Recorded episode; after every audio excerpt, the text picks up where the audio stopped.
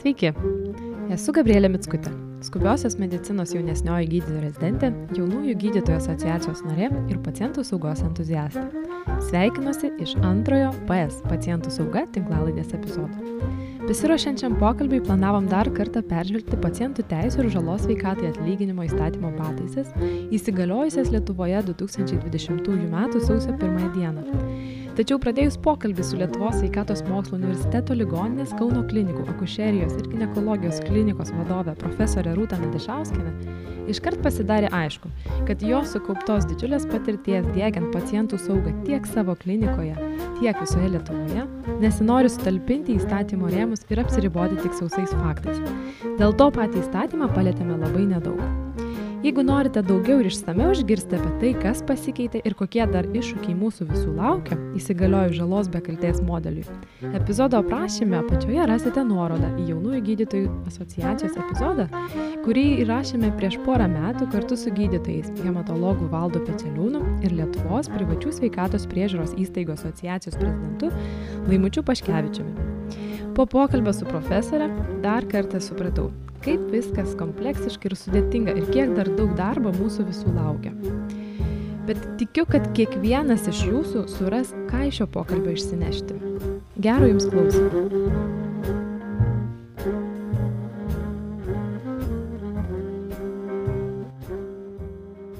Sveiki, profesorė. Sveiki. Tai Kauno klinikose turbūt nėra nei vieno žmogaus, kuris jūsų nepažinotų ir vienaip ar kitaip nebūtų susidūręs. Tačiau, kadangi mūsų klausytojų ratas kiek platesnis, tai gal galėtumėt kažkaip save pristatyti plačiau. Tai iš tiesų, kad, kad nėra kas nepažinotų iš, iš čia dirbusių, tai nenuostabu, nes dirbu jau daug metų, jau 30, mokiausi tuometinėme Kauno medicinos institute, ir tiesą sakant niekur kitur ir nedirbau. Tai natūralu kad mane čia pažįsta. O o ką čia daugiau pasakyti? Tai žinoma ne tik klinikinis darbas bet kaip ir visi mes e, šitoje ligoninėje dirbantys arba beveik visi dirbam ir mokslinį ir ir tą akademinį darbą. Ir dar viena sritis mūsų sri mūsų srity akušerijoj ginekologijoj tai aišku yra tas visuomenės švietimas. Tai manau kad visos jos yra svarbios ir visose dirbu Mhm. Ir dažnai dalyvaujate renginiuose ir kalbate apie pacientų saugos kultūrą ir klaidas medicinoje. Ir galbūt prisimenate ir galite papasakoti, kaip šita tema atsirado jūsų profesiniai veikloje. Tikrai puikiai prisimenu, nes tai buvo išskirtinis mm, renginys 2012 mm, metais. Mhm. Junktinėse Amerikos valstijose dalyvavau seminare kuris vadinosi Sauga ir kokybė, um, sauga ir kokybė moterų sveikatos priežiūros lyderiams. Prisimenu puikiai ir dalyvavau ir antrajame seminare, kuris vyko antrojoje dalyje, kuris vyko Vašingtone po metų, nes tai buvo ypatingai, ypatingos svarbos man kaip profesiniai veikloj, kitas dalykas supratime. Ir tokiame, netgi sakyčiau, klasifikavime, e, kokios e, problemos yra šitoj saugoj, kokybei, e, bendravime su pacientais, tai tikrai labai dėkinga likimui, kad galėjau savo lėšom nuvykti į tą renginį, nes po to ir pradėjau ir mūsų klinikoje, ir mūsų akušerių gynekologų draugijoje apie tai kalbėti, nes jau turėjau tą tokį rimtą teorinį pagrindą ir patirtį tų šalių, kurie jau seniai toje mm, temoje tą temą gvildena, o kai domiesi, tai ir tos literatūros ir tų galimybių daugiau sužinoti atsiranda natūraliai vis daugiau. Tai jeigu iki tų 2012 metų labai daug laiko, 10 daugiau metų, šnekėjau nesustodama apie įrodymais grįstą mediciną, jos svarbą ir reikšmę.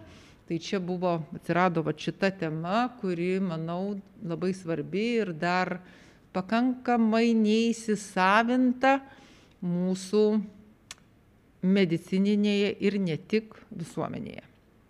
Taip, tai jeigu dabar iš tikrųjų man taip kartais būna toks jausmas, kad šiuo metu kalbėti apie pacientų saugą ir klaidas darosi toks jau mados reikalas ir tokia labai smagi ta mada, bet tuo pačiu labai džiugu girdėti, kad jūs taip, mat, jau beveik dešimt metų kai turit ne tik nu, ir teorinį pagrindą ir bandot kažkaip praktikoje taikyti tas teorinės žinias, tai gal galėtumėt pasidalinti, kaip savo klinikoje e, taiko tą teoriją ir kaip sprendžiat situacijas, e, kuomet įvyksta komplikacija ir klaida, kiek įtraukiat pacientus, galbūt darot kažkokius nuolatinius susitikimus su personalu ir analizuojate tam tikrus atvejus. Mhm. Čia turbūt tokie du aspektai šitoje temoje, ką mes nuveikėme klinikoje turbūt nuo 2013 metų tai tokie svarbūs svarbūs mūsų žingsniai. Tai buvo saugios chirurgijos lapas. E, mes jį adaptavome. Pasaulio sveikatos organizacijos rekomenduotas. Ir mes jį adaptavom savo klinikai. Turiu pasakyt kad nelengvai jisai į tą kasdieninę rutiną įėjo tą prieš operaciją stabtelt ir ir ir garsiai įvardint ką gi čia planuojam daryti tai vieni pirmųjų mes gavom galimybę pritariant administracijai moteris stacionarizuojamas pažymėti apyrankę, kad nesumaišyti pavardės. Mhm. Kita, kiti tokios svarbus dalykai tai yra, žinoma, palengvinantis slaugytojom darbą, tai yra po gimdyvinio kraujavimo e, lapas jisai vėlgi paimtas iš kolegų anesteziologų, o šiais metais mes jau turime pooperacinio stebėjimo problemų lapą. Ir džiaugiamės, kad ir, ir, ir, ir, ir klinikose tai plečiasi, tikrai labai nuoširdžiai džiaugiamės ir tik tai labai rekomenduojama, kad tai nebūtų iš savo žinių ir iš savo išmanimo, nes tam yra kursai, kurie netai brangiai kainuoja, kaip tą lapą padaryti Taip. ir kaip jo naudotis. Ir jo negalima supaprastinti to pooperacinio, pogimdyminio stebėjimo lapui, tikrai jisai turi būti spalvotas, jis tikrai neturi būti taupant lėšų nespalvotas, nes šitame ir esmė, kad kuo mažiau ir mes, gydytojai ir mūsų pagalbininkės slaugytojos ir akušerės dirbtų to bereikalingo ir mažai informacijos teikiančio e, rašto darbo. Informacijos tada reikia, kada jau atsitinka nelaimė ir bėda, tada jau kiekvienas taškelis ir kiekvienas, e, kiekvienas žodis yra vertinamas ir skaitamas. Jau nuo ankstyvos savo karjeros pradžios, dar tuo metu buvo subordinatūra, vėliau internatūra, mūsų mokytojai visą laiką sakė, kad mes turime rašyti savo lygos istorijas iš karto kaip prokurorui. Lengva pasakyti, kasdieniam darbe sunku padaryti. Todėl tokie palengvinantis darbą ir vizualiai padedantis vertinti situaciją tokios priemonės, tokie dokumentai tikrai yra labai svarbus. E, kitas labai svarbis rytis tai yra e, klinikinės praktikos standartizavimas. Ir ne tik klinikinės mhm. praktikos. Čia jau galima plėstis ir apie akademinės disciplinos standartizavimas. Čia vėlgi kita tema kad visi dėstytojai dėstytų vienodai, o ne kiek studentų reiktų žinoti, pas kokį dėstytoją pateks ir ką jam reiktų pasakyti. Bet kalbant apie tą klinikinės praktikos standartizavimą, tai žinoma, tai yra tie uh, kontroliniai lapai, jeigu nesakyti čeklistai, kas mums įprašiau, Taip. tai yra įvairūs tokie algoritmai, kurie yra nepaprastai svarbus, nes jeigu tau reikia uh, staigiai atlikti kažkokias tai intervencijas ar, ar tiesiog galvoti, kaip teisingai pasirengti, pasirengti arba atlikti veiksmus, ypač neturint didelės patirties. Tai yra tikrai labai padedantis, nes niekas niekada neskaito ilgų metodinių rekomendacijų vat, to klinikinio darbo metu. Tačiau standartizuoti dokumentai jie yra nepaprastai svarbūs ir mes tikrai turėjom puikią progą, aš kalbu akušeriai gynekologai ir neonatologai, 2014 metais kartu su Šveicarijos kita parama ir pagalba iš bendravimo su mūsų vyriausybių, reiškia, sutarties, mes parengėme 36 metodikas, taip dabar vadinasi pas mus, o dabar jau tai 14 metais, 19 atnaujinom ir dar keturias parengėm. Mhm. Tai yra iš tiesų ypatingai svarbu ir tos metodikos, jos yra pats svarbiausias dokumentas, reglamentuojantis akušerijos svarbiausios patologijos diagnostiką, gydimą. Ir, ir ne tik tai mūsų ligoninėje trečio lygio arba perinataliniam centre, bet ir visoje Lietuvoje, nes tikrai nereikia rajono ligoninėje, kur turėtų gimdyti normaliai, norma, normaliai išnešiojusios moterys, nu, nereikia tokių procedūrų ir tokių intervencijų kaip perinatologijos centruose. Tai manau, tai nepaprastai svarbus dalykas viena, iš vienos pusės, kad tai standartizuoja, reglamentuoja darbą visoje Lietuvoje. Gydytojams tai yra didelis palengvinimas, akušeriam didelis palengvinimas, žinoti, kaip nutarta. E, kitas dalykas, vėlgi pacientam, tai yra labai svarbu, kad jie bet kurioje gydymo įstaigoje gautų tinkamą priežiūrą. Ir čia tai ką jūs klausėt kaip mes įtraukiam tuos pacientus tai čia iš tiesų jau keturioliktais metais. Mūsų tose darbo grupėse kiekvienai metodikai rengti dalyvavo gydytojai iš visos lietuvos. E, ir iš Vilniaus, ir iš Kauno, ir iš, iš kitų centrų dalyvavo akušerės ir dalyvavo pacientų, aktyvių pacientų atstovai. Ir tai buvo nepaprastai įdomi dalis, nes jeigu jūs pasižiūrėtumėte tas mūsų metodikas, Tai penktoji dalis arba penktoji knyga, kaip mes vadinam, tai yra informacija visuomeniai. Visa tai yra prieinama ir mūsų draugijų tinklalapiuose, akušerių gynekologų ir neonatologų asociacijos. Visa tai yra sveikatos apsaugos ministerijos tinklalapį ir kiekvienas gali pasižiūrėti ir klausti klausimus. Dėl ko sakau, kad tai buvo nepaprastai įdomu? Nepaslaptis, kad kai kurios praktikos, kai kurios mm, gydimo metodikos šiek tiek skyrėsi, nu kalbėkime, Vilniaus perinatologijos centre ir Kauno perinatologijos centre.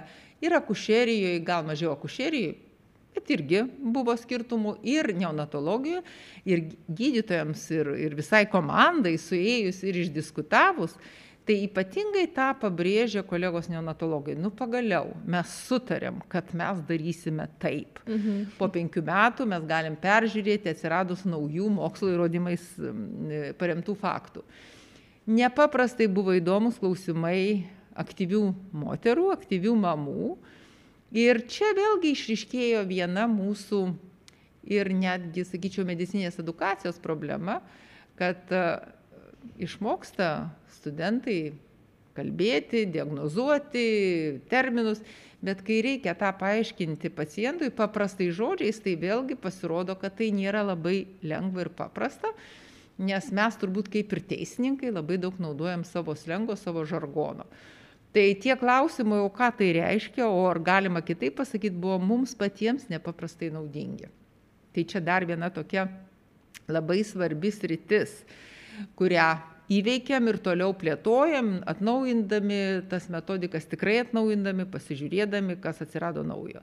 Dar vienas rytis, ką supratome, e, ir tą supratome ir teorinė prasme, ir praktinė prasme, kad gydytojo, ir ne tik gydytojo, apskritai mediko profesijoje paskaitos, nu, teoriniai užsiemimai vadinsiu, nes paskaitos mes žinom pats prašiausias žanras teorinių užsiemimų, e, kad tai yra tik tai dalis, kad nepaprastai svarbu, norint gerai atlikti savo pareigą, nuolatinis, gydyt, e, nuolatinis įgūdžių atnaujinimas. Ir čia labai paprasta taisyklė. Tai, kas pasitaiko dažnai, nors yra sudėtinga, galima išmokti, galima išmokti um, savo klinikinėje praktikoje kas yra sudėtinga ir pasitaiko retai, tai turi būti gerai mm, išmokstama praktinių užsiemimų metu, standartizuotų praktinių užsiemimų metu. Ir jau nuo to laiko mes turime standartizuotus kursus, net pavyko ir į sveikatos ministro įsakymą įdėti, kad tai privalu, mes norėjom kas trys metai, nu, nepatenkino mūsų noro, bet kas penki metai mes turime labai aiškius kursus, praktinius kursus, kuriuos turi praeiti kiekvienas akušeris gynekologas, neonatologas ir e, akušerė ir naujagimių slaugytoja.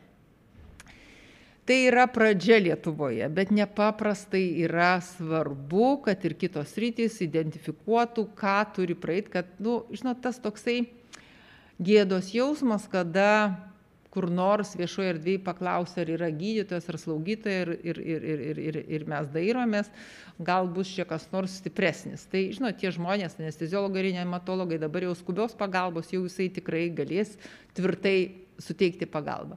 Kitus ryčių gydytojai taip pat turėtų tą daryti, bet dėl mūsų įdingos, absoliučiai įdingos, ydingo kvalifikacijos kėlimo arba ydingos tos sistemos, kada už 120 valandų tu gauni atnaujin, galimybę atnaujinti licenciją ir tas 120 valandų gali būti visiškai pasyvus sėdėjimas įvairiuose konferencijose, kur net tu nei ir pranešimą ruošiai, tu susirinkai valandas ir kaip jau ten klausai, tai jau tavo reikalas. Tai čia yra tikrai ateities būtinybė keisti, nes aš visada duodu tokį pavyzdį Ar įsivaizduojate Lietuvo, lėktuvo pilotus, kurie kas penki metai išklausytų paskaitų kursą. Ir tada, ir tada pilotuotų lėktuvą.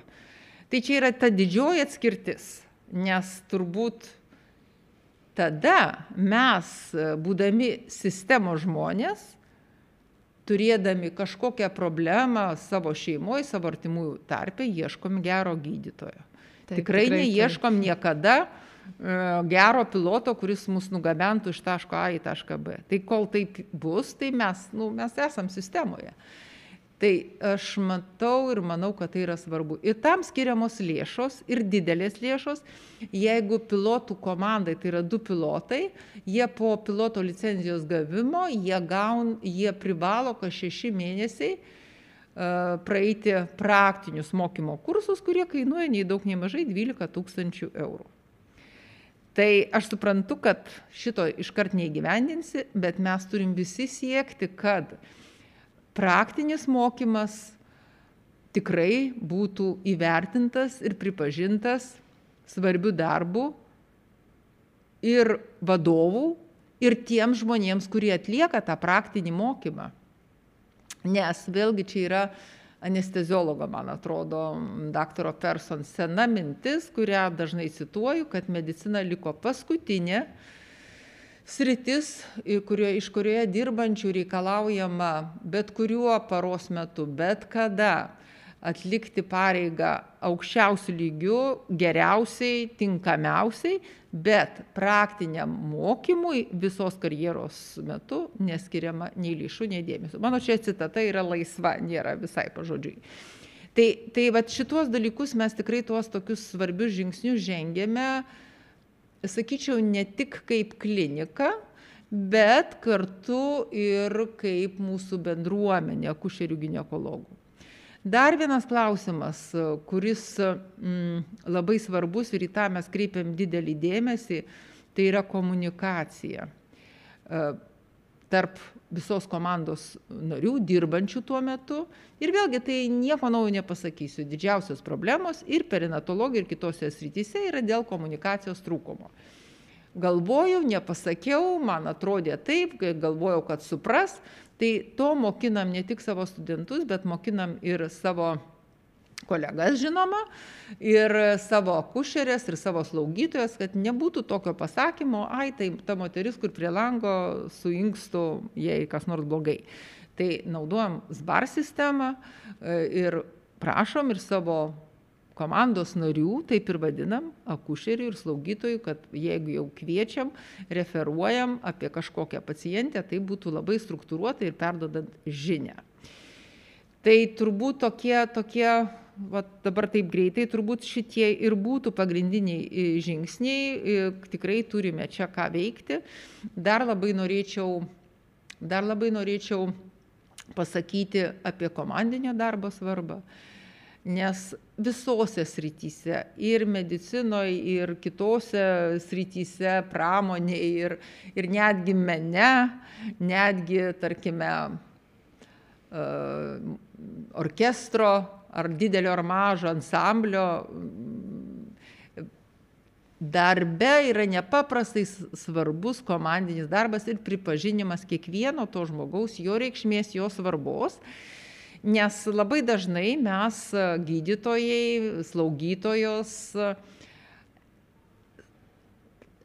atsirandam tarsi olimpinėse žaidynėse. Vat subėgam ir visi dirbam, sprendžiam didelės problemas. Tai turėtų būti treniruojama. Tai viena, jau apie tai kalbėjom. Kitas dalykas - pripažįstama svarba, reikšmė kiekvieno komandos nario. Nes jeigu mm, paklaustume liftininko ar liftininkės, valytojos, slaugos padėjėjos, žmonės pergyvena, žmonės mato ir kiekvienas nori savo prisidėti, savo, mm, savo kompetencijos ribose prie sprendžiamų problemų ir tai turi būti suprantama ir vertinama, kas yra labai svarbu. Tai jau taip plačiai atsakiau į pirmą klausimo dalį, ar ne? O antra klausimo dalis, kaip mes e, klaidas sprendžiam, ar ne? Taip, kaip mūsų e, klinikoje. Analizuojate. E, taip, mes jas analizuojam, žinot, tai irgi yra procesas, bet jas analizuojam jau taip nuo seniai, kad aš jau, aš prisimenu, kada tik tai dar studijų metais turbūt, nes taip jau domėjausi, o jau turbūt paskui ir subordinatūra, o tai šiais e, laikais tai būtų šeštas kursas. Taip. Tai mm, kiek, mm, kiekvieną mėnesį būdavo e, rytmetinis susirinkimas, kuriame būdavo svarstomi visi tą mėnesį negyvi gimę ir ar mirę naujagimiai. Visi absoliučiai ir svarstomos priežastys ir jų būdavo tiek daug, mhm. E, kad nu, tiesiog kai kurie vadydavo nu, tiesiog uždušiniam tokiom apieigom. Tai nuo tų laikų, nuo netmenamų turbūt laikų, kiekvienas atvejis e, naujagimio mirties arba vaisiaus žuvimo yra svarstomas, yra perinatalinių mirčių komisija, kur susirenka į daugia dalykį pasitarimą kolegos neonatologai, akušeriai gynekologai, jeigu reikia anesteziologai, aišku ir patologai ir kiekvienas tas atvejis yra nagrinėjamas. E, jau nuo seno mes turime e, prievolę, jeigu miršta gimdyvė, e, skubiai informuoti, jeigu iš regione, perinatalinį centrą ir sveikatos ministeriją. Ir tas kiekvienas atvejis yra nagrinėjamas. Ir tai, žinot, ne dėl to, kad mes ten kažkokie labiau išmintingi ar labiau siekiantys atlikti savo pareigą. Mūsų profesija yra tiek eksponuota. Ir kiekviena tokia nelaimė labai paveikia visą šeimą, artimuosius, be abejo, ir, ir visuomenė reikalauja atsakymo. Šiek tiek yra kitaip, kada žmogus sirgo, sirgo, nu, ar sunki lyga nepagydoma, ar pagydoma, nežinia, ar, ar operacija, kur galėjo tai žymiai rečiau pasitaiko. Mes visą laiką esam toje, toje mm, labai tokioje mm, linijoje, kur mm, labai greitai tampam žiniasklaidos pirmosiose puslapiuose ir taip toliau. Ir dar yra toksai visuomeniai tikėjimas, kad jeigu moteris pastojant turi išnešioti ir sveika, sveika naujagimį, būdama pati sveika pagimdyti. Tai vėlgi per paskutiniuosius dešimtmečius tai labai pasis, pasikeitė tos moteris, kurios net negalėdavo pastoti, dabar ir pastoja, ir gimdo, ir, ir viskas yra gerai. Tai mūsų tos praktikos jos yra labai jau senos. Ir žinoma, pasikeitė daug kas, nu, galbūt, sakykime, tone ar, ar, ar, ar, ar tame nagrinėjimo formate. Bet kiek aš prisimenu, kad ten būtų ieško, ieškoma būtinai vieno kalto, aš kažkaip jau taip nelabai prisimenu. Kažkoks toks pasąmoninis supratimas, kas yra įrodydama mokslu, kad uh, asmens, vieno asmens klaida labai retai pasitaiko. Dažniausiai tai yra sistemos klaida. Uh, tai jau šiuo metu arba šiais paskutiniaisiais dešimtmečiais tai nu, ir, ir ta perinatalinių mirčių komisija tikrai visada stengiasi įsiaiškinti, o ką galima sistemiškai pakeisti, ko reikia, ar, ar kažkokiu tai ar kažkokių mokymų, ar kažkokių algoritmų, ar kažkokios metodikos, kad taip žmogus darytų specialiai klaidą, galbūt jis buvo pavargęs, gal jisai būdi be perstojo, arba, kas yra vėlgi viena iš blogybių mūsų, mano gilių įsitikimų, tai yra tas vadinamas šefavimas, nepasitikėjimas sistema ir tada ieškojimas to daktaro, mhm. kuris jau globos tą gimdymą ir aš visą laiką mm, ir sakau moterim, o jūs įsivaizduojate, jeigu jisai vieną naktį globojo, kitą naktį ir dabar jau jūs atėjote ir jis po trijų parų, Taip. tai jisai čia labai adekvatus. Tai, tai, tai vėlgi čia viskas yra suprantama. Ir todėl mes tikrai stengiamės ieškoti, ieškoti sisteminių dalykų ir kuo galim pakeisti. Jeigu kalbėti apie klaidą ir taip, tikrai, nu, čia yra žinoma, nieko naujo nepasakysiu ir, ir, ir nelabai iš čia ką pasigirsiu, kad uh, pasiekimai akušerijoje, e, perinatologijoje ir neonatologijoje, nu, praktiškai vienintelėje Lietuvos sveikatos sistemai, kurie yra sulyginami su išsivyščiusių šalių rodikliais. Ir kūdikių mirtingumas, ir, ir, ir nešių gimdyvių mirtingumas. Tai kadangi e, tos moterys nešios ir gimdyvės miršta retai, tai mes jau nežinau turbūt kokia penkiolika o gal jau dvidešim metų nagrinėjam tuos arti netekties atvejus. Gausų kraujavimą mhm. patekimą į reanimaciją eklemsiją gimdos plyšimą. Tai vėlgi tai vyksta visoj lietuvoj. Ir aš tai neprisimenu kad ten rasti piktybiškai kokį nors daktarą kuris ten kažko tyčia nepadarė. Nu aš apskritai nesutikau nesutikau tokio nei akušerės nei slaugytojos nei nei gydytojo per savo praktiką kad tyčia kažką blogai padarytų. Ir vėlgi reikia ieškot sisteminės klaidos. Nebuvo kraujo nėra susisiekimo nėra tiesioginio telefono trūksta žinių e, per vėlai pakvietė. Tai vėlgi čia tokie dalykai kurie tikrai nuolat ir nuolat svarstomi ir kad ten mes ieškotume kad vienas žmogus kaltas nu aš žinokit neprisimenu. Kitas dalykas kad visuomenė visuomenės atstovai nukentėję, natūralu, jie turėjo kontaktą su kažkuo tai iš medikų. Ir tikrai, vėlgi tai yra ta specialybė, kuri daugiausia turi reikalų su, su teisinė sistema, su skundais, su, su noru, noru nu, kažkaip tai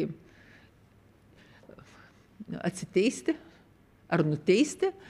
Ir, žinot, dažniausias argumentas toksai būna.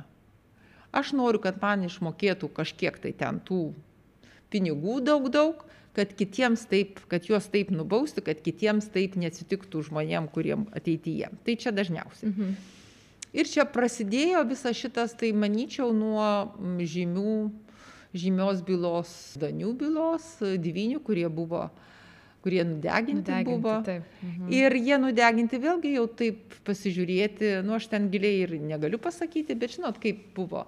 Nu, iš tiesų tai mama turėjo būti pervežta į, į centrą. Mm, e, slaugytojos darė kaip galėjo, nežino, kad neišnešioti naujagimį greit atšalą ir tos patirties, kad padėtos tos pūslės, pripiltos karštų vandenį tam neišnešiotam naujagimiui, jo plonai odeliai uh, gali labai pakengti ir sužaloti, nu, tiesiog neįvertinta. Tai čia galim vardinti daugybę taip. klaidų, apie kurias šnekėjom, ir sistemos, ir įgūdžių, ir žinių, ir taip toliau. Uh, Todėl, kalbant apie tą atlyginimą be kalties, mes buvome vieni iš tų, kurie tikrai labai šitą idėją palaikėm, tikrai nenorėdami kaip nors išvengti atsakomybės. Aš prisimenu, vyko mūsų suvažiavimas Klaipėdoje, Lietuvos akušerių gynekologų, ir mes priėmėm rezoliuciją. Ir akušeris gynekologas Darius Kaminskas tuo metu buvo Seime mhm. ir jis labai aktyviai dirbo šitą darbą ir jisai tiesiog prašė, kad mes tą, nu, kaip bendryje parašytume. Ir mm, žinau, kad e, labai tam priešinosi draudimo kompanijos. Ir labai buvo daug, kad mes e, kaip gydytojai, ne, ne pagal specialybės, norim savo uh, atsakomybės išvengti. Tai tikrai ne. kad būtų labai daug kas pasikeitę prieimus tą įstatymą, aš negalėčiau pasakyti, kad mūsų praktikoje kažkas būtų daug pasikeitę.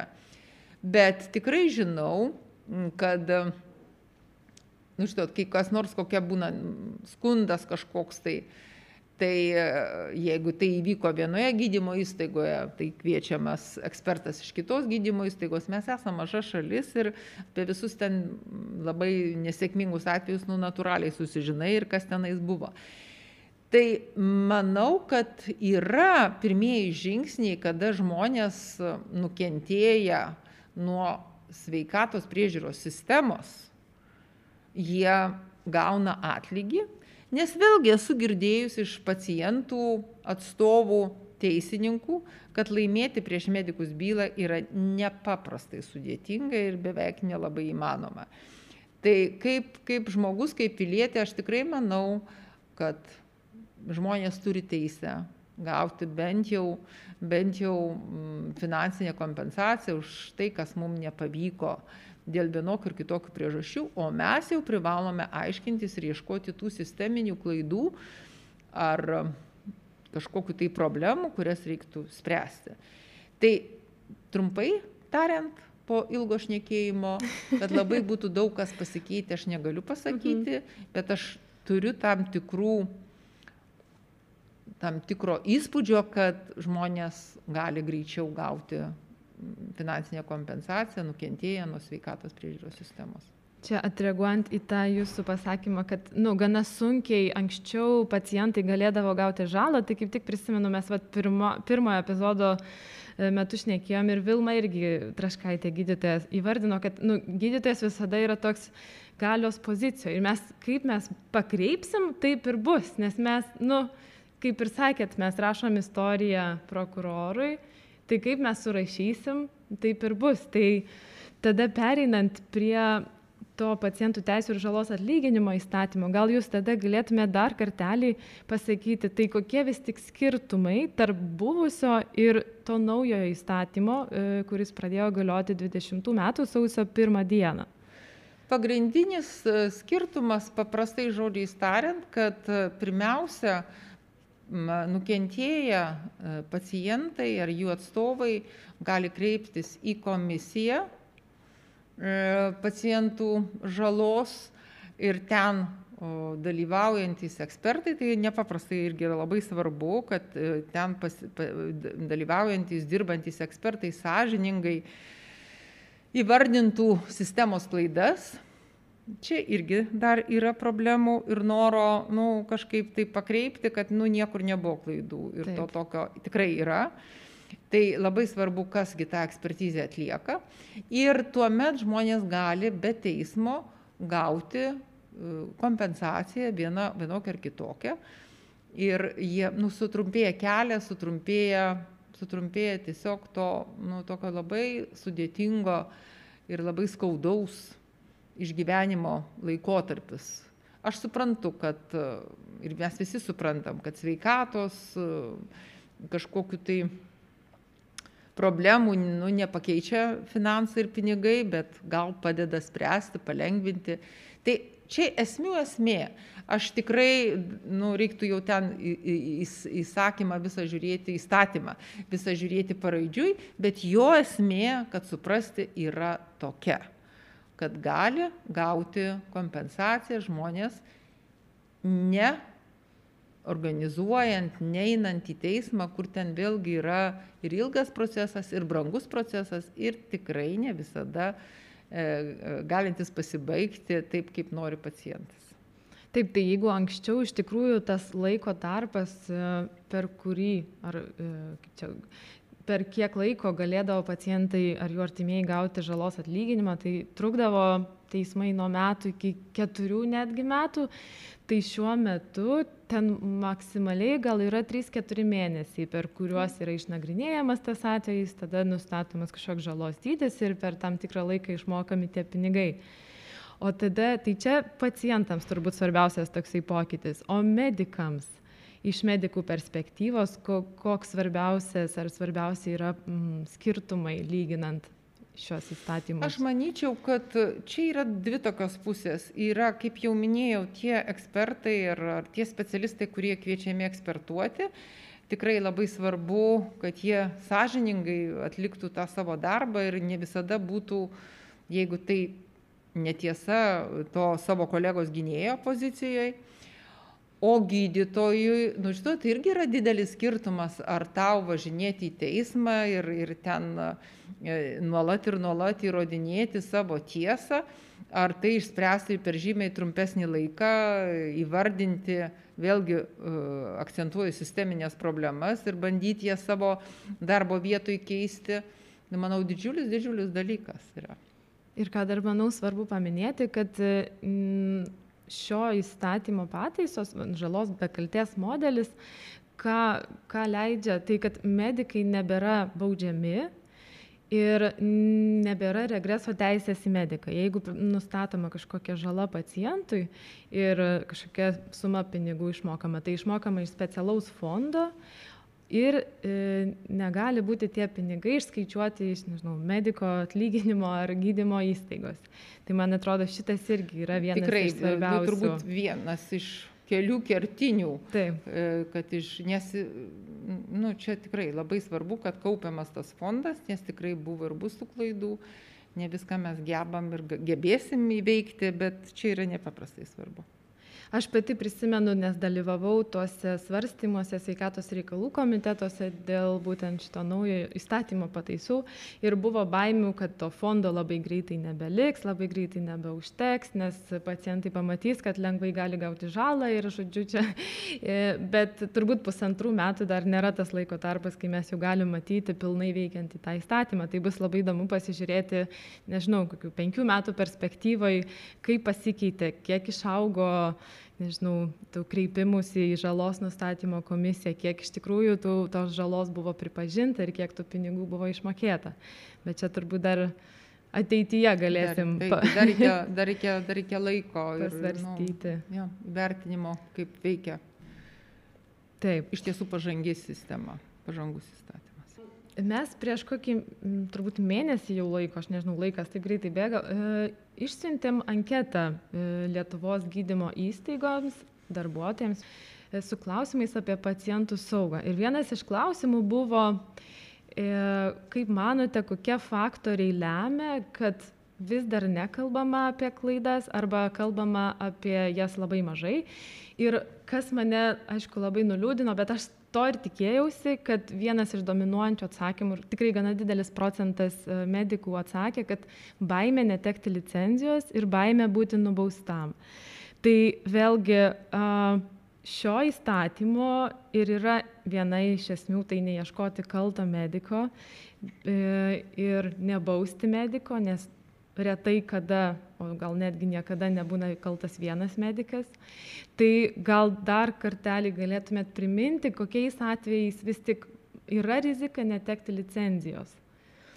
Jums, jums parašiau šitą klausimą, iš tiesų tai pasiskambino aš tik atėjus, tik prieš ateidama į akreditacijos tarnybą direktoriais pavaduotojai, klausdama, kaip jinai galėtų pasakyti, kaip dažnai yra atimama licencija. Taip. Taip kaip ir numaniau, atsakymas buvo labai retai, išimtinai retai. Sako, aš jums atsiųsiu, nu, bet jinai man dar neatsiuntė to atsakymą, nes tiesiog tai buvo taip greitai. Nesuprantu, iš kur ta baime. Man atrodo, tai yra egzistencinė baime, tik įvardinta, kad licencijos neteksiu čia yra gilesni dalykai. Čia yra kultūriniai daly tradiciniai dalykai nes e, tapti gydytoju o ir slaugytoja ir akušerė užima ilgą laiko tarpą reikalauja daug pastangų daug daug valios ir ir viso ko ir netgi lėšų. Ir po to kada jau tu pasieki tam tikrą tam tikrą lygį labai sunku labai žmogiška tai yra bet labai sunku pripažinti kad aš padariau klaidą. Tiesiog tokia yra neklystamumo tradicija.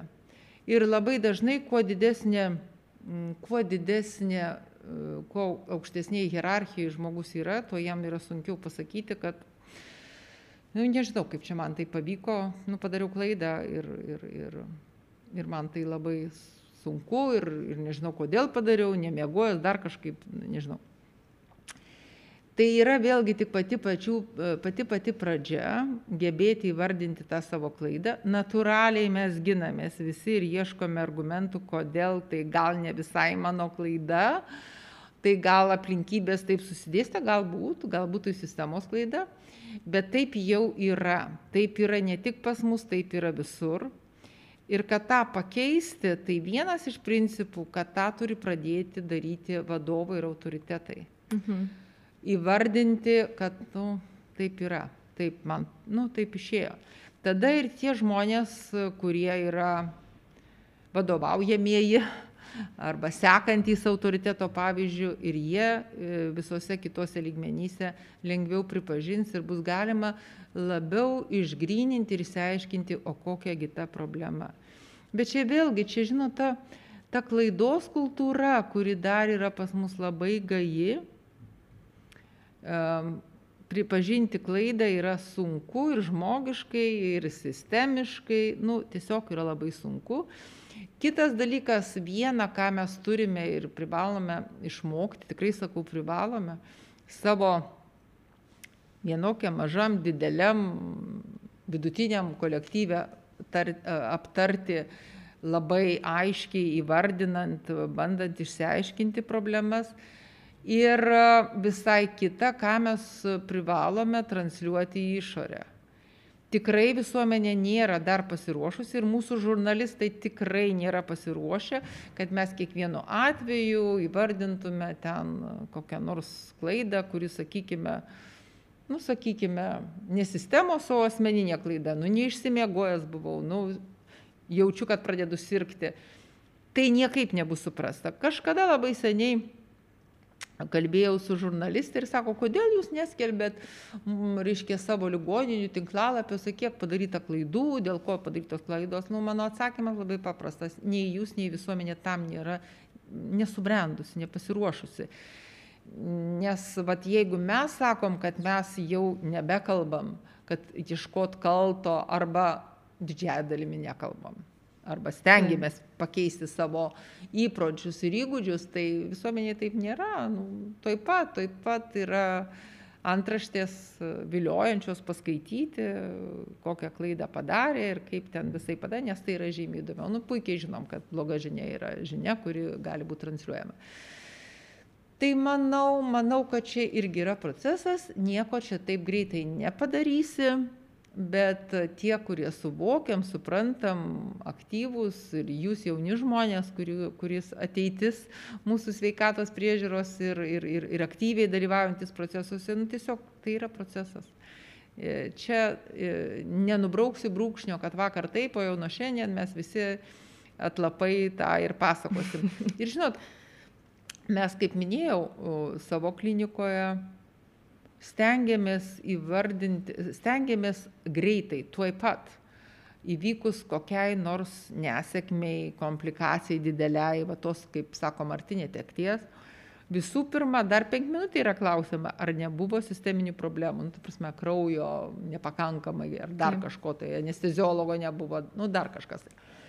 Bet paskui stengiamės, ne visada mums išeina, tikrai nesam idealūs, kaip ir visur, tuoj pat tą patį rytmetį sukviesti visą dalyvavusią komandą ir su jie pasikalbėti iš kiekvieno perspektyvos, iš kiekvieno kaip kas matė. Ir čia vėlgi nedalyvavus labai matos natūralus noras rasti nu, kažkokiu priežasčių, nu, kodėl nepavyko ten vienai par kitai, bet nu, ne man, bet susiklostė taip aplinkybės. Gali būti, kad tai buvo. Čia svarbu dviem aspektais. Užčiuopti tą sisteminę problemą, kurią galima keisti tą klaidą, ar jinai žinių, ar patirties, ar įgūdžių, ar tikrai kokios nors sistemos, viena, o kita ugdyti tą saug, saugią, saugos kultūrą, kad nu, galiu aš pasakyti, kad nu, buvau labai pavargęs ir nu, kažkaip man, o, ir bendrai nežinau, kodėl aš tai, e, kodėl aš tai pasielgiau.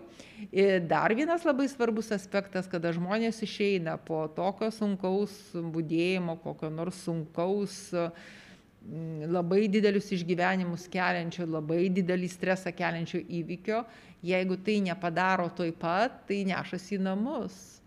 Nešasi į namus ir tada namiškiai turi klausyti, kas čiagi taip darėsi.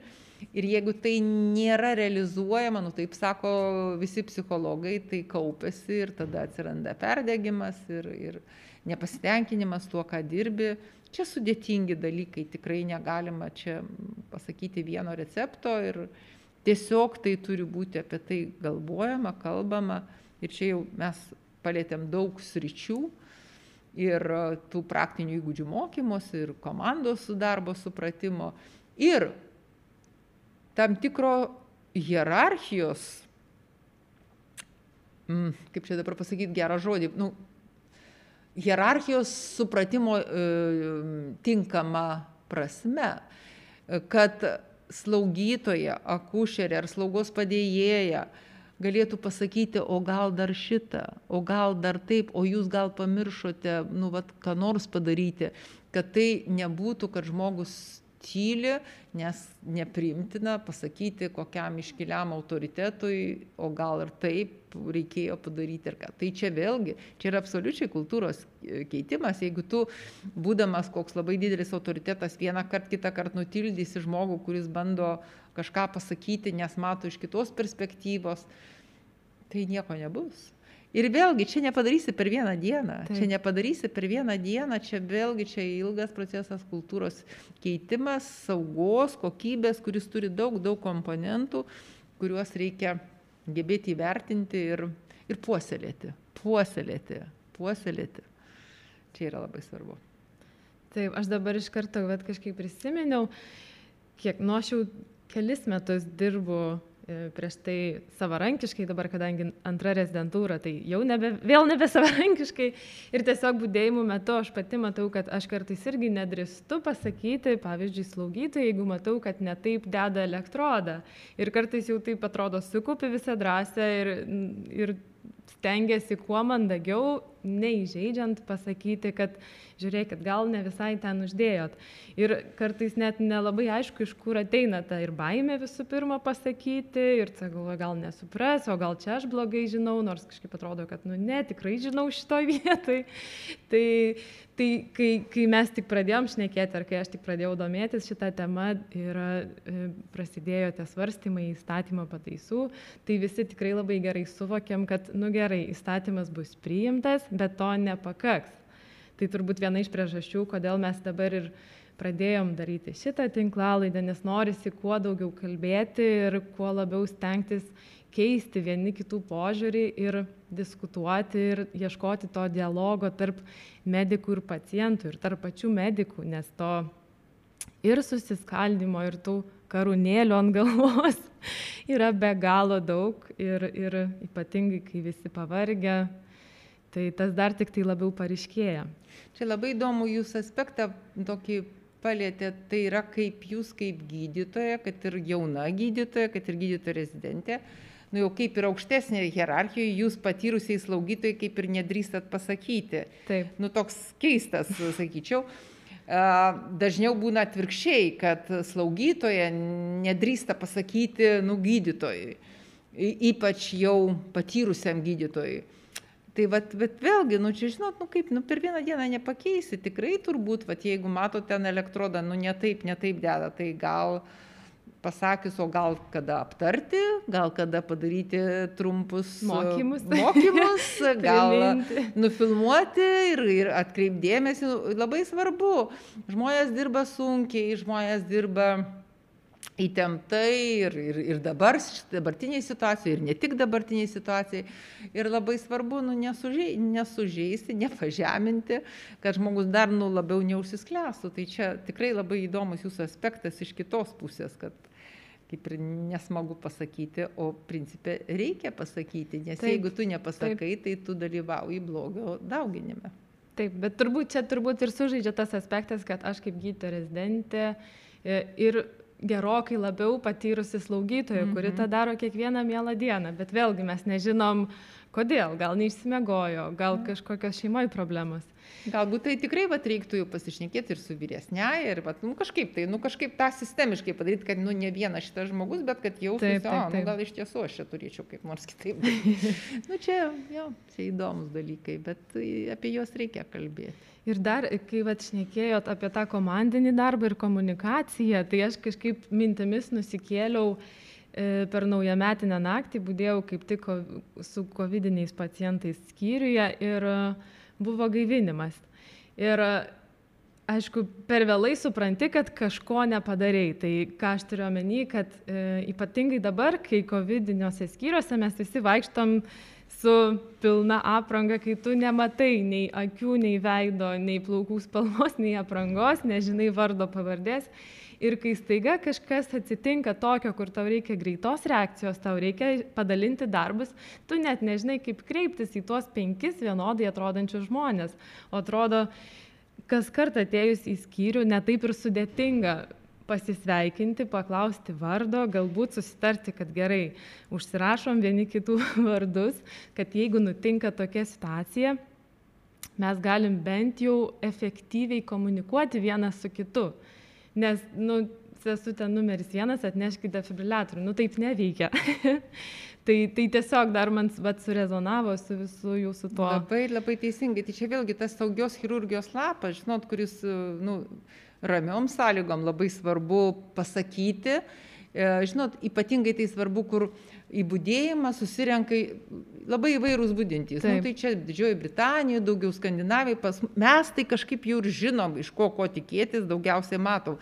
Bet vad COVID um, situacija labai parodė, nu, kai tu tikrai nežinai, tai ta auksinė minutė pasisakyti vardą, užsidėti kažkokį ženklą, nepaprastai svarbi. Tai yra viena minutė, nu gerai užsirašyti kelios minutės, bet tai vėlgi kultūros ir tikrai E, garantuoju, pasiūlius daugelį vietų taip padaryti, susilauktumėte pasipriešinimo. Taigi čia žinom, kad visi yra.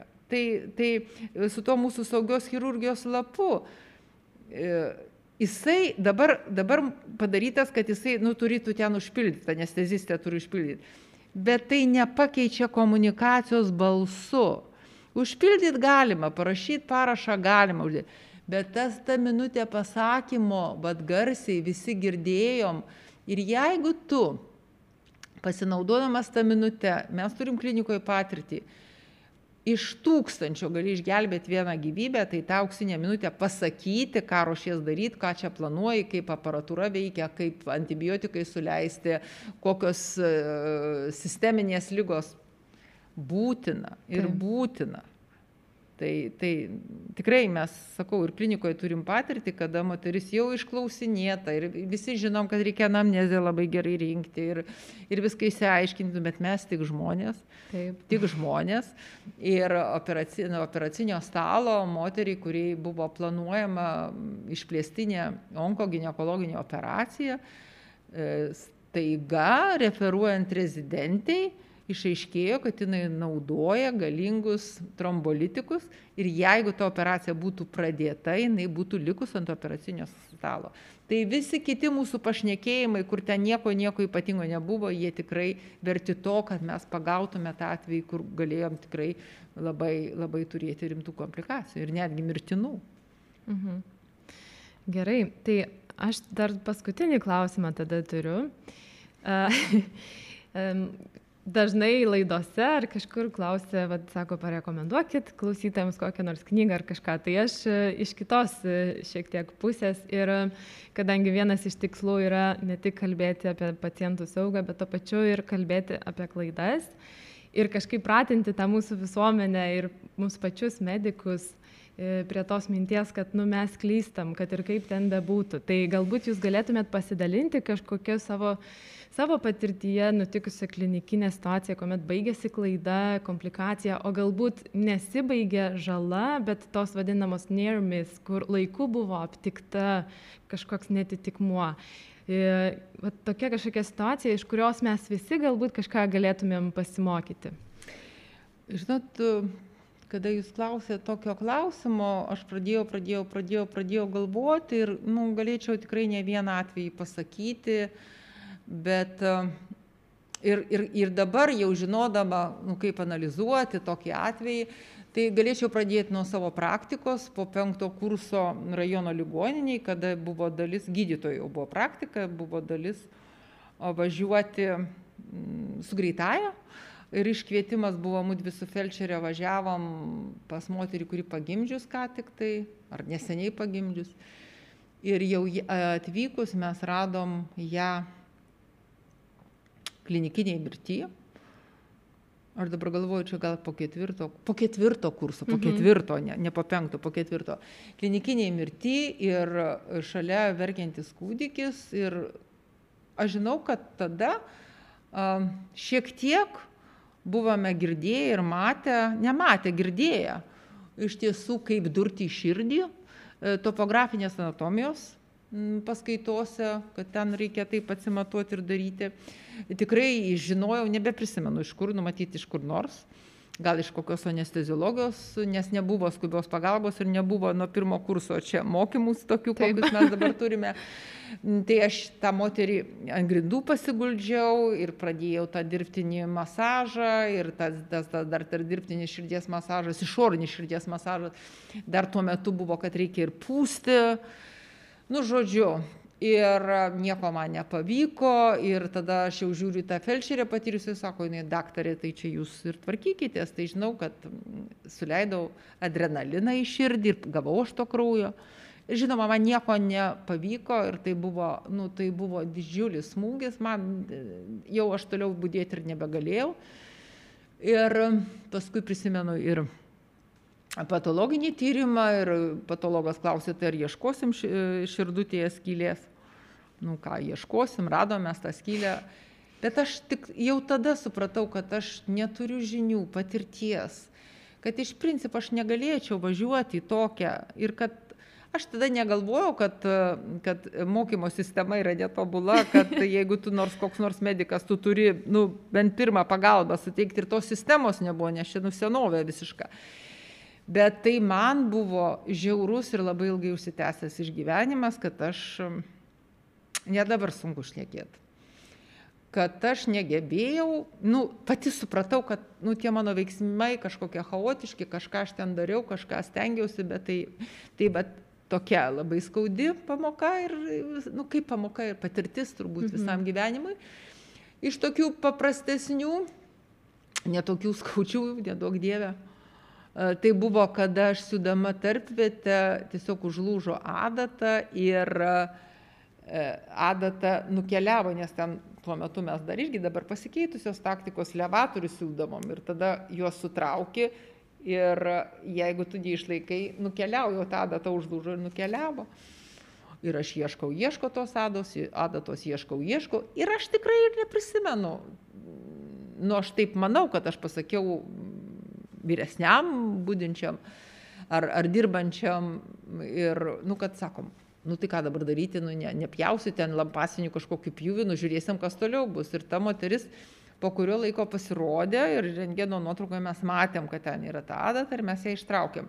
Ta adata jau vėliau. Tai, e, nu tai tokia, žinoma, tai moteriai jokių čia, ir jeigu šiais laikais jinai tikrai turėtų teisę Taip. prašyti kompensacijos, kokios jau ten dydžio, tokio dydžio. Ir daugiau turbūt tokių yra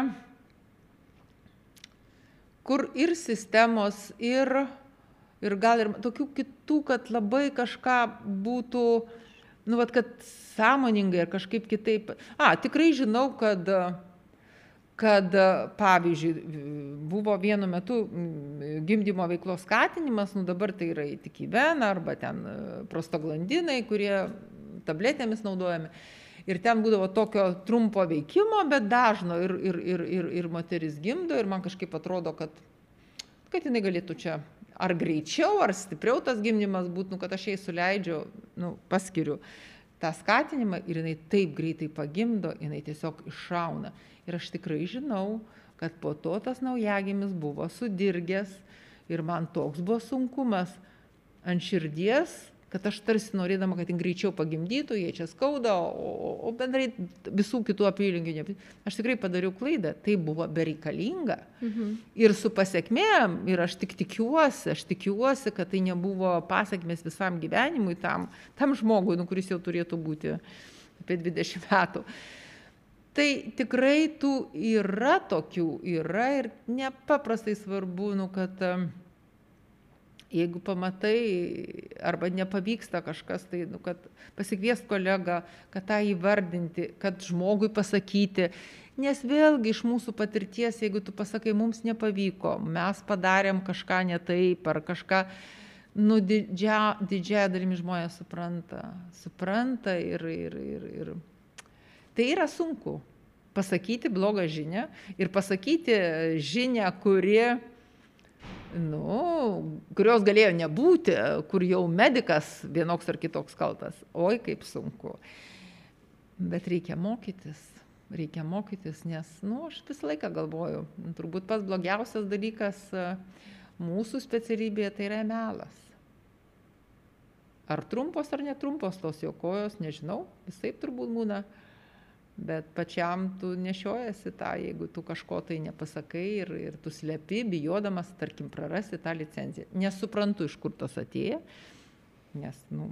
Gal pavyks kažkaip šitą gandą išguiti. Gal pavyks, aš tikrai atsiųsiu, ką man bus atsiuntus. Gerai, mes būtinai tai pasidalinsim visiškai, su klausytojais. Ten tikrai, tikrai sako, nu jau ypatingai retai, nu tu turi kažką tai tokio padaryti. Ir labai piktybiškai, ir turbūt ne vieną kartą. Bet vėlgi, nu, aš irgi asmeniškai, aš nežinau nei vieno mediko, kuris, nu, kažką tyčia darytų, kad pakenktų. Nu, mes visi renkame šitą specialybę, nes norim padėti, tai atrodo, nu, kam tu tada darysi priešingai. Tai mhm. ačiū Jums labai už atsakymus ir už pasidalinimą savo patirtimi. Man klausant, tai tiesiog džiugu girdėti visų pirma ir labai smagu už Jūsų specialybę dėl privalomų mokymų, kuriuos paminėjote, kad kas penkis metus aš labai tikiuosi, kad visos specialybės paims patirtį. labai Nes... linkiu, labai linkiu pakovoti už tai. Taip, bandysim ir mes, ir tikiuosi ir kiti. Ir, ir taip pat už tos, kas, kas, kiekvieną mėnesį vykstančius e, susitikimus ir analizės klinikinių atvejų kas irgi man atrodo labai svarbu ir turi atsirasti kiekvienos specialybės ir kiekvieno mediko kasdieniai praktikoje. Tai e, ačiū labai Jums dar kartą, kad suradote laiko ir iki pasimatymo. Iki malonaus. Kitą dieną po mūsų pokalbio profesorė atsiuntė informaciją apie panaikintas licenzijas. Nuo 2000 metų Liepos 26 iki 2019 metų Liepos 16 dienos iš viso buvo panaikintos ar sustabdytos 18 licenzijų dėl grubių, pasikartojančių klaidų ar grubiai pažeistų paciento teisų. O pagal naująjį žalos be kaltės modelį licenzija gali būti panaikinama tik antrą kartą pasikartojus grubiai klaidai, o visais kitais atvejais licencija galėtų būti tik laikinai sustabdoma, o prireikus medikai turėtų tobulinti savo kvalifikaciją. Kaip ir minėjome pokalbėje, komisijai nustačius žalą pacientui ir atlyginus ją iš sąskaitos, regreso teisė į žalą padariusi mediką ar asmens sveikatos priežiūros įstaiga neįgyjama, išskyrus tuos atvejus, jei žala padaryta tyčia, ar jei asmuo buvo neblaivus, apsvaigęs nuo vaistų, narkotikų ar kitų svaiginamųjų medžiagų. Paprasčiau pasakius, atlyginus žalą pacientui, nei konkrečiam medikui, nei gydymo įstaigai finansinė našta negresia. Tiek šiam kartui. Ačiū labai visiems klausiusiems. Jeigu turite klausimų ar komentarų, būtinai mums parašykite sauguspacientas etagmail.com. O aš su jumis atsisveikinu iki kito karto. thank you